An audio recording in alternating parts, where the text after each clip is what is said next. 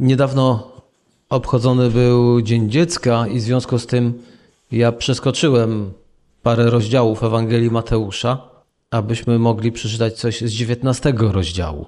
A wiecie, byliśmy w szóstym. Wrócimy do tego fragmentu, ale teraz zerkniemy, co jest w tym fragmencie. Istotny byłby kontekst, ale że chcę dzisiaj mówić więcej o dzieciach, aniż o tym, co jest przed, choć te fragmenty naprawdę się ze sobą łączą, a rzadko ludzie je ze sobą łączą. Problem w czytaniu Biblii polega na tym, że ktoś, kto wydał Biblię, często nam narzuca zrozumienie już Biblii i nie chodzi o tłumaczenie, tylko o robienie rozdziałów i nagłówków. I wtedy widzimy, jest następny nagłówek, to znaczy, że następna historia. Nie, ona jest kontynuacją, ale o tym już za moment. Ewangelia Mateusza, 19 rozdział od 13 do 15 wersetu. Potem przyniesiono mu dzieci. Mowa oczywiście o Jezusie. Czyli potem przyniesiono Jezusowi dzieci, aby włożył na nie ręce i pomodlił się. Uczniowie jednak byli temu niechętni. Jezus natomiast powiedział: Zostawcie dzieci w spokoju. Nie przeszkadzajcie im przychodzić do mnie, ponieważ do takich jak one należy Królestwo Niebios. I włożył na dzieci swoje ręce, a potem stamtąd odszedł. Ta historia nie byłaby pełna, gdybyśmy nie zerknęli, co jest wcześniej. Ale w życiu jest tak. Pojawia się małe dziecko. I wtedy tak bardzo trzeba być ostrożnym, nie tylko wobec niego, ale również należy zwracać uwagę na to, co jest w domu. Małe dziecko, niemowlę bierzemy ostrożnie na ręce, zwracamy wtedy nawet uwagę, czy mamy ręce umyte, bo one mogły te ręce być w różnych innych miejscach, z których nie powinien niemowlak mieć kontakt. Kiedy dziecko zaczyna raczkować, rodzice zabezpieczają ostre kanty, a nawet do gniazdek wkładają zatyczki, które się już jakiś czas temu pojawiły, aby przypadkiem dziecko nie wsadziło tam zabawki albo czegoś innego, bo mogłoby to się źle skończyć. Dla wielu rodziców, dziadków, radość małego dziecka wnoszącego nowe życie do domu znacznie przewyższa wysiłek i zmartwienie związane z koniecznością opieki lub adaptacją tych warunków, czyli adaptacją domu, Robią to wszystko z radością, bo chcą jak najlepiej dla dziecka. Ale nie wszyscy dorośli we wszystkich społeczeństwach mają takie podejście. Wielu próbowało i nadal próbuje zepnąć dzieci w kąt, dosłownie i w przenośni, aby nie zakłócały ich czystego i uporządkowanego świata. Bo przecież oni sobie stworzyli jakąś przestrzeń dla siebie, a te bachory mogą to wszystko zepsuć. Nieraz mawia się, dzieci i ryby głosu nie mają. Lub że powinni być widziani, ale nie słyszani. To się zmienia, ale wciąż jest wielu dorosłych, którzy próbują dzieci ignorować, uważając je za utrapienie i udają, że prawdziwe życie jest tylko dla powyżej określonego wieku. Jezus o tym wie. On nie przejmuje się tym, że niektóre dzieci, które się do niego przyprowadza, nie potrafią poprawnie mówić że niektóre mogą być brudne i śmierdzące, a niektóre będą psocić, jak tylko pomyślą, że nikt nie widzi. Jezus cieszy się młodym życiem. Takie właśnie jest Królestwo Boże, pełne nowego i nieprzewidywalnego życia. Małe dzieci, ufne, żądne przygód, chętne, by dać się wciągnąć w historię i dramaty, to właśnie ludzie, dla których przeznaczone jest Królestwo Boże. Uczniowie otrzymują tutaj naganę, bo próbują powstrzymać dzieci przed przyjściem do Jezusa. A więc jeszcze pewnych rzeczy nie rozumieją. Jeśli uczniowie otrzymali naganę, to co usłyszą ludzie, a często może nawet i rodzice dzisiaj? Znamienne jest to, że ta historia z dziećmi jest umieszczona tuż po dyskusji o tym, czy wstępować w związki małżeńskie. Właśnie o tym wspomniałem na początku, że kontekst ma znaczenie, a praktycznie przy tej historii nie zetknąłem się, żeby ktoś łączył te fakty. Uczniowie są zdumieni, o tym czytamy wcześniej, i jak wrócimy do tych miejsc i będziemy kontynuować, to wtedy również się z tym zapoznamy. Uczniowie są zdumieni bardzo rygorystyczną nauką Jezusa na temat rozwodów. Rozważają możliwość dla niektórych z nich już za późno, że może lepiej nie ryzykować małżeństwa, jeśli ktoś miałby być w nim zamknięty na całe życie. Niektórzy mówią, że ten dzień przed ślubem, często dzień kawalerski, dzień to jest taki ostatni dzień wolności. Niektórzy dzisiaj mogą powiedzieć, że nauczanie Jezusa jest beznadziejnie nierealne. W odpowiedzi Jezus mówi kilka tajemniczych słów o tych, którzy nie zawierają związków małżeńskich, albo dlatego, że postanowili tego nie robić, albo dlatego, że nie mogą. O tym czytamy wcześniej, ale ma to znaczenie dla nas w kontekście dzieci. W jego kulturze większość ludzi brała ślub w wieku, który dla nas współczesnych wydaje się dość młody. W szczególności dziewczęta często wychodziły za mąż wkrótce po okresie dojrzewania. Tam, gdzie oczekiwana długość życia była niska, ważne było wykorzystanie tego najwcześniejszego wieku. Wielu młodych mężczyzn żeniło się na długo przed ukończeniem 20 roku życia. Ale zawsze byli tacy, którzy byli fizycznie niezdolni do stosunków seksualnych. I byli tacy od urodzenia. Ale byli też tacy, których ubezwłasnowolniono i zrobiono to celowo. W niektórych częściach starożytnego świata kastracja młodych niewolników była powszechna. Czemu? No, aby mogli służyć królewskiej rodzinie, czy też jakiejś bogatej rodzinie, bez problemów wynikających z tego, że mogliby się niewłaściwie zachowywać w stosunku do kobiet. Uznano również, choć nie bez obaw, że niektórzy ludzie rezygnują z małżeństwa, aby móc się poświęcić wyłącznie Bożym sprawom. Jan Chrzciciel był jednym z nich. Biblia również o tym mówi. Szkoda, że tak mało mówi się o życiu w celibacie ludzi wierzących, którzy takie mają właśnie pragnienie poświęcić się wyłącznie Bożym sprawom. I te wypowiedzi Jezusa wcześniej wychodziły naprzeciw pytaniu, dlaczego Jezus, mając tyle lat, nie wstąpił jeszcze w związek małżeński. Bo są ludzie, którzy poświęcili się całkowicie Królestwu Bożemu. Oczywiście dla niektórych decyzja o przełożeniu lub wyrzeczeniu się małżeństwa wydaje się bardzo trudna. Jezus wie, że Bóg nie będzie wymagał tego samego rodzaju wyrzeczeń od wszystkich swoich sług. Stwierdzają, że są w stanie podążać za Jezusem bez związku małżeńskiego i chcą takie życie prowadzić, ale są też tacy, którzy dochodzą do wniosku, że nie będą potrafić i chcą założyć rodzinę. Dzisiaj zachodni świat ma problem ze zrozumieniem tego. Mamy coś takiego jak szalejący indywidualizm. On jest obecny już na Zachodzie, w Europie. Co to za indywidualizm, który pozostawił rodzinę i dzieci w złym stanie? Ponieważ ludzie działają w przekonaniu, że to jednostki mają prawo do szczęścia. I to ma pierwszeństwo przed lojalnością, przed zobowiązaniami wobec partnera, ale również wobec dzieci, które wydało się na świat. I teraz właśnie dochodzimy do fragmentu o dzieciach. Nikt nie powinien wyobrażać sobie, że dzieci są dodatkiem i że dzieci utrudniają mi komfort życia, realizację moich marzeń. I teraz widzimy, że w całym tym kontekście zauważamy, że wezwanie do pójścia za Jezusem rozciąga się na najbardziej osobiste i intymne szczegóły naszego życia.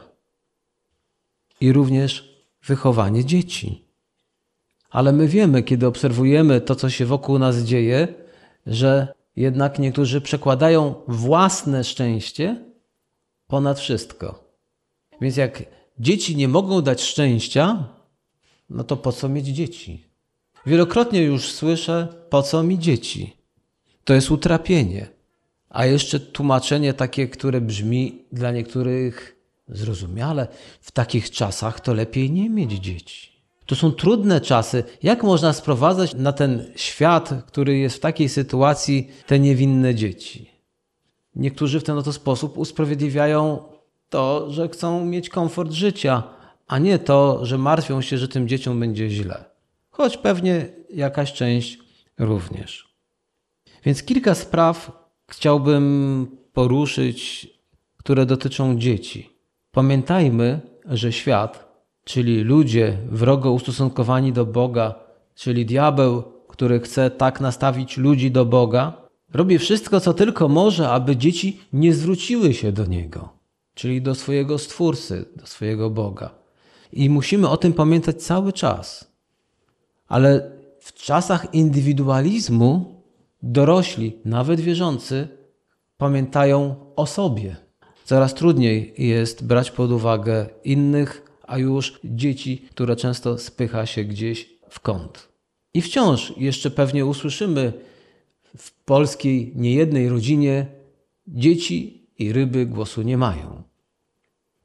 Może dzieci w Polsce nie doświadczają brutalnych form, takich jak teraz opublikowano historię z Korei Północnej. My wiemy, że w Korei Północnej chrześcijanom przyłapanym na posiadaniu Biblii grozi śmierć, a członkowie rodziny, w tym dzieci, są skazywane na dożywocie. I teraz wyszedł na jaw przypadek. Ta informacja pojawiła się w ostatnim raporcie Departamentu Stanu USA i zawiera on opis incydentu, w którym dwuletnie dziecko zostało skazane na dożywocie w obozie jenieckim po tym, jak jego rodziców przyłapano z Biblią. Tak jak wspomniałem, może w Polsce i innych krajach nie stosuje się takich form, ale jednak na całym świecie i w każdej kulturze działają siły, które robią co tylko mogą, aby dzieci odciągnąć od wiary w Boga. Bez względu na kraj, bez względu na środowisko, bez względu na kontynent. Tak się właśnie dzieje. Nie ucz dzieci materializmu. Wielu rodziców kupuje mnóstwo rzeczy swoim dzieciom, mówiąc, że sami nigdy tego nie mieli. Spotkaliście się z tym? Więc jeżeli ja tego nie miałem, to kupię to dziecku. Ale czego ty uczysz? Uczysz, że szczęście jest w posiadaniu pewnych to rzeczy. Więc uczysz materializmu. Miej świadomość, że materializm skutecznie odciąga ludzi od Boga. I widać to po krajach rozwiniętych. Kiedy w Polsce następowały przemiany, zobaczcie, naród był bardziej religijny niż teraz. A w tamtych czasach, kiedy zerknęliśmy, co dzieje się w krajach sąsiednich, rozwiniętych, to byliśmy zdziwieni. Dochodziły do nas takie informacje, że tam kościoły zamieniane są na, na dyskoteki, na hotele, na magazyny. Materializm jest niebezpieczny. Ale i dzisiaj my uczymy naszych dzieci pokładać w jakiś sposób nadzieję w materializmie. Przyniesie ci satysfakcję, przyniesie ci radość. Więc jest lepsza postawa. Jaka? Uświadom sobie, ile nie nauczyłeś się bo nie miałeś od kogo, albo nie miałeś środków na naukę. Ile musiałeś, musiałaś popełnić błędów z braku poznania i zacznij uczyć dziecko tego, co jest mu potrzebne do życia, a czego ciebie nikt nigdy nie nauczył. Mówi się, że mądry Polak po szkodzie. A ile tych szkód trzeba, żeby Polak zmądrzał? Mówi się, głupi się urodziłem i głupi umieram. Bo w pewnym momencie człowiek przechodzi taki proces. Kiedy jest młody, w pewnym okresie uważa, że wszystko wie. Ale potem się to zmienia i ludzie, co niektórzy, nie wiem jaki procent ja badań nie prowadziłem, ale jednak są tacy, dochodzą do wniosku, że coraz mniej wiedzą. I w pokorze patrzą na życie i na to, co mówią inni, i uczą się i mówią coś takiego: Gdybym ja to wiedział. Prawda? Gdybym ja to wtedy wiedział, gdyby mi to ktoś wytłumaczył, gdyby ktoś mnie ostrzegł, gdyby ktoś mi to wyjaśnił, tego uczmy dzieci dzisiaj. Zainwestujmy w rzeczy niszczeją, ale to, co przekażesz dziecku, a szczególnie wiarę w Boga, będzie jego największym skarbem. Nie zabraniajcie dzieciom przychodzić do Jezusa. Elektronika walczy o uwagę dzieci. Idzie lato. A lato ma to do tego, że dzieci mają więcej czasu. Jak sądzicie, spędzą go jak? Znając życie, będą miały więcej czasu, więc przeznaczą go na siedzenie przy komputerze, na więcej czasu spędzonego w smartfonie. Czy tak nie będzie? Elektronika walczy o uwagę dzieci. Pewien serwis amerykański napisał, zacytuję tak jak potrafię po polsku: Coraz więcej badań wskazuje, że smartfony z nieskrępowanym dostępem do internetu i mediów społecznościowych mają poważne negatywne skutki dla młodszych użytkowników, zwłaszcza nastoletnich dziewcząt. Pod koniec maja naczelny chirurg Vivek Murthy wydał oficjalne ostrzeżenie i raport na temat wpływu mediów społecznościowych na zdrowie psychiczne dzieci i nastolatków. Od 2012 roku, kiedy smartfony zostały zintegrowane z każdą częścią naszego życia, a integracja ta stała się kamieniem milowym w dzieciństwie, zdrowie psychiczne młodzieży gwałtownie się pogorszyło. Lęk, depresja, a nawet myśli samobójcze u nastolatków niesamowicie dobrze współgrają z tą technologiczną zmianą. Czy wiesz, po co sięgnie Twoje dziecko? Po co sięgnie Twój wnuk i wnuczka? Po co sięgną Twoi kuzyni albo Twoich kuzynów dzieci?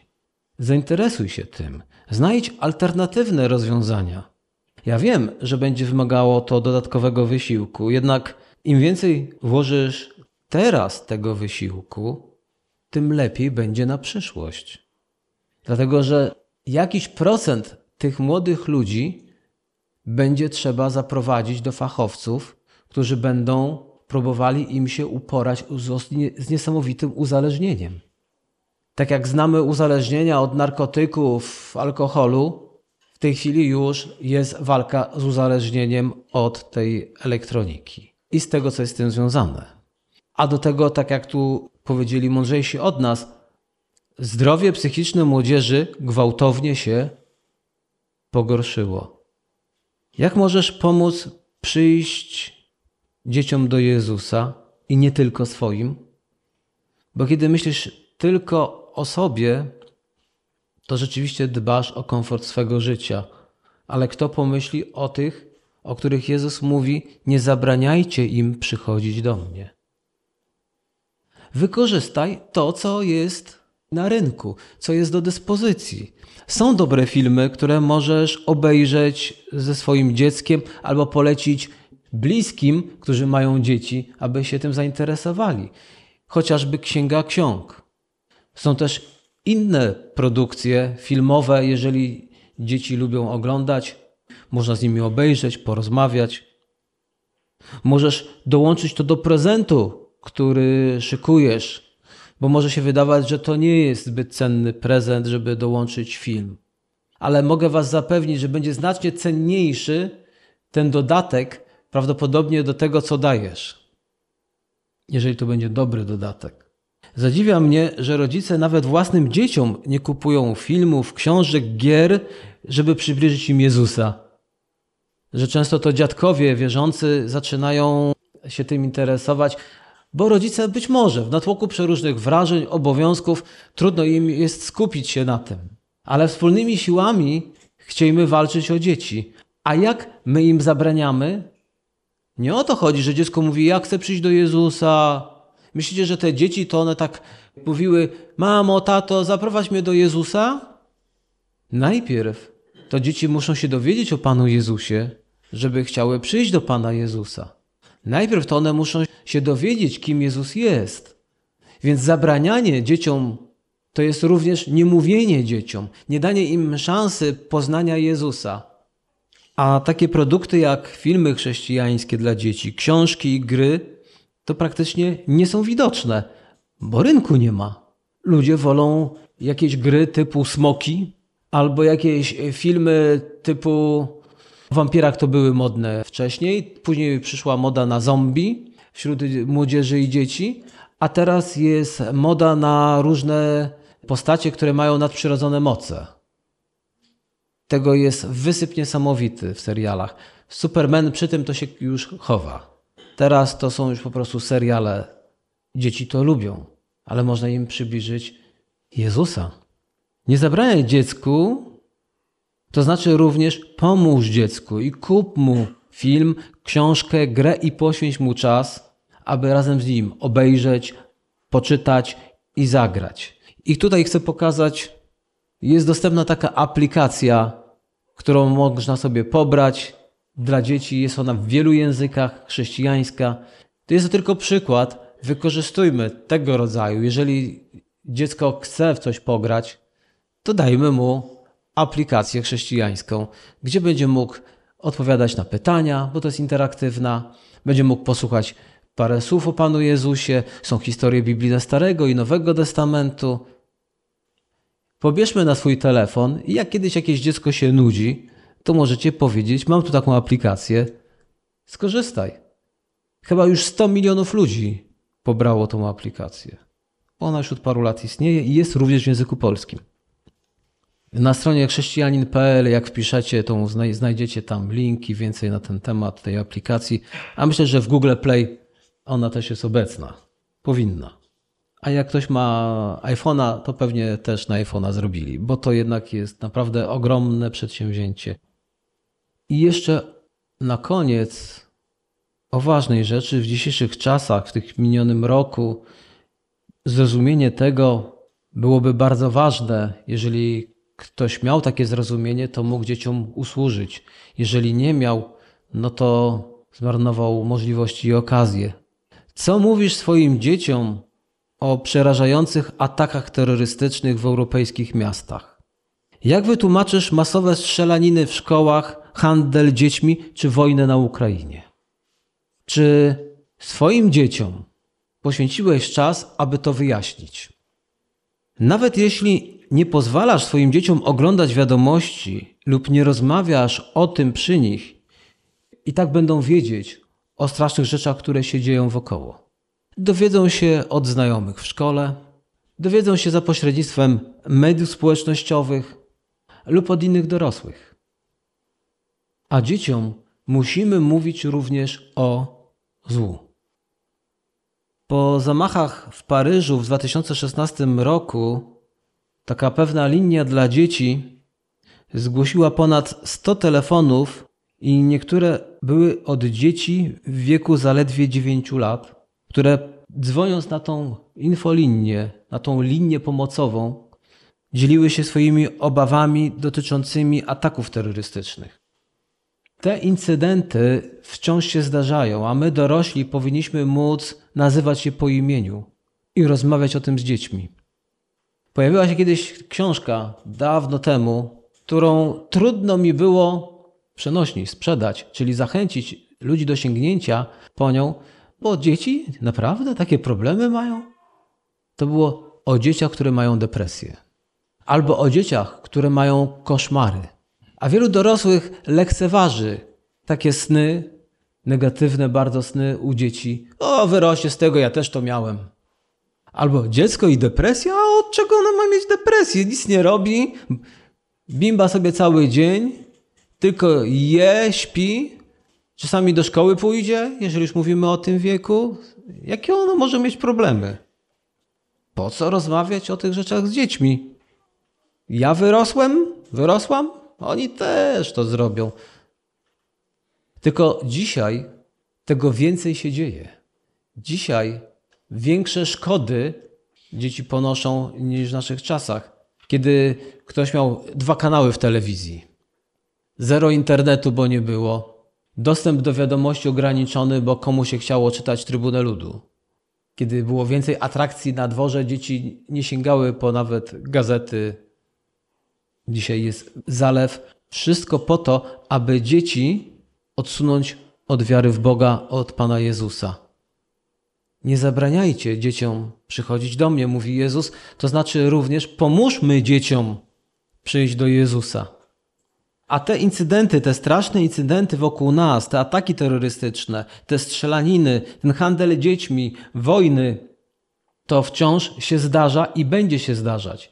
A my dorośli powinniśmy móc nazwać po imieniu to wszystko i rozmawiać o tym z dziećmi.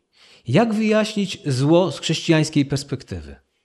To może kilka myśli na ten temat.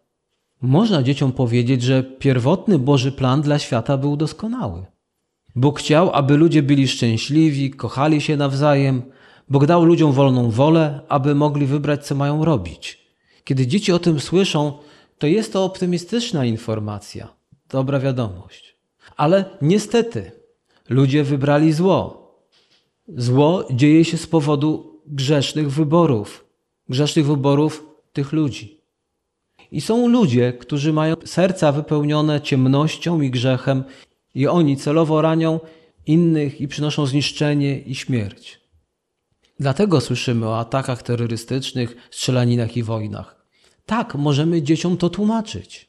trzeba z nimi o tym porozmawiać.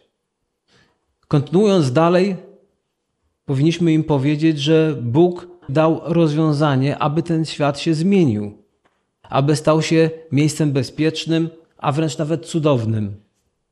I wtedy ludzie, czyli dzieci, dzieci mogą dowiedzieć się o Jezusie, o dobrym Bogu, który wysłał Jezusa Chrystusa na świat, aby go uratować. Dzieci też powinny się dowiedzieć, że przyjdzie też sąd i wszelkie zło będzie ukarane. Aby nie wychowywały się w takim przekonaniu, że źli ludzie mają lepiej, że źli ludzie są bogatsi, że źli ludzie są szczęśliwsi. Że przyjdzie taki moment, że się pewne rzeczy zmienią. I teraz Pan Bóg chce, abyśmy się od Niego nauczyli wybierać dobro. Nie możemy stać się dobrzy w własnych siłach, to też dzieci powinny usłyszeć, ale Bóg może dać nam moc, aby się zmienić. I stanie się to wtedy, kiedy pójdziemy za Bogiem, staniemy po Jego stronie i wtedy też będziemy cieszyć się przebaczeniem grzechów, Bożym pokojem, ale również przyszłym życiem. I jeszcze jedna rzecz, o której dobrze, żeby się dzieci dowiedziały. Nie możemy zmieniać innych ludzi i zmuszać ich do bycia dobrymi. Bo to też również widzą i dostrzegają. To również widzą, jak inni próbują na siłę kogoś zmieniać, i dlatego dochodzi do takich różnych, bym powiedział, zachowań jak wojny, jak terroryzm, jak islamski dżihad, gdzie ktoś chce kogoś na siłę zmieniać. Wtedy też pojawiają się manipulatorzy. Wtedy też od razu uczymy dzieci, że nie możemy kogoś tłuc po głowie, żeby on zaczął robić dobrze. A więc też przy okazji nauczymy dzieci rozpoznawać manipulantów, żeby sami kiedyś nie poddali się czyjejś siłowej manipulacji, a zarazem sami nie wykorzystywali tego wobec innych. I możemy dzieciom pokazać, że sami musimy dokonywać dobrych wyborów, takich jak słuchanie rodziców, pomaganie, bycie życzliwym, proszenie o przebaczenie i inne rzeczy. Więc mówiąc dzieciom o strasznych rzeczach, powinniśmy być łagodni i ostrożni w doborze słów, ale nie powinniśmy rezygnować z mówienia o tych rzeczach. Zło powinno być nazwane po imieniu i omówione. Nie uchronimy dzieci przed tym wszystkim, jeżeli zamkniemy usta i nie będziemy nic mówić. Dlatego, że one, jak już powiedziałem, dowiedzą się z innych źródeł, ale wtedy nie usłyszą tego, co mogliby usłyszeć od ciebie. Otwarta rozmowa pomaga dzieciom przezwyciężyć swoje lęki, a dzieci mają lęki. One muszą przetworzyć tą rzeczywistość, która się wokół nich dzieje. To tyle, jeśli chodzi o moje rozważanie z okazji Dnia Dziecka. Nie zabraniajmy dzieciom przychodzić do Pana Jezusa. Podkreślę to.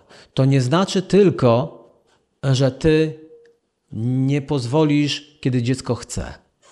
To znaczy również, że nie dasz szansy dziecku dowiedzieć się o Panu Jezusie, bo nie znajdziesz na to czasu, nie wykorzystasz możliwości, które są już dostępne? Zawsze mnie to martwiło, kiedy pytałem wydawców, ewangelicznych wydawców, tych ewangelicznych książek, filmów czy jakichś gier. Martwiło mnie to, że ten towar to u nich słabo schodzi. Książki o uzdrowieniu szły, o prorokowaniu szły. To było oczywiście lata temu, kiedy to obserwowałem i wiele innych rzeczy.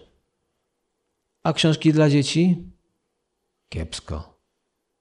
Oczywiście, jak ktoś się dostał na rynek katolicki i poszło to do Veritasów, Caritasów, nie wiem, do Veritasów, tak, to są komunie, to są jakieś tam uroczystości religijne, to, to jednak te Biblie kolorowe, piękne wtedy szły. Ale dzisiaj są takie czasy, że to nie robi wrażenia na dzieciach, bo on dokłada, fajnie to brzmi, dokłada się, Biblię dokłada. Tak? Dokład jest zdecydowanie ciekawszą atrakcją. Ale nie ma w tym nic złego, żeby dorzucić Biblię dokłada. Dlatego też wielu wydawców zaprzestało, tych naszych ewangelicznych, zaprzestało wydawanie tych rzeczy no bo oni musieli później co z tym robić? No, na co mu 200 sztuk czegoś jemu osobiście, jak nikt tego nie chce kupić? Bo rodzice, dziadkowie, wujkowie, jak gdzieś jadą, no to jednak mogliby dołączyć coś takiego do tych prezentów, ale nikt im nie podpowiedział. Czy to nie jest zabranianie dzieciom? Uniemożliwiamy. Nie wpadliśmy na pomysł, żeby można było coś jeszcze dorzucić. Wykorzystajmy to wszystko, co możemy, aby innym pomóc. Amen.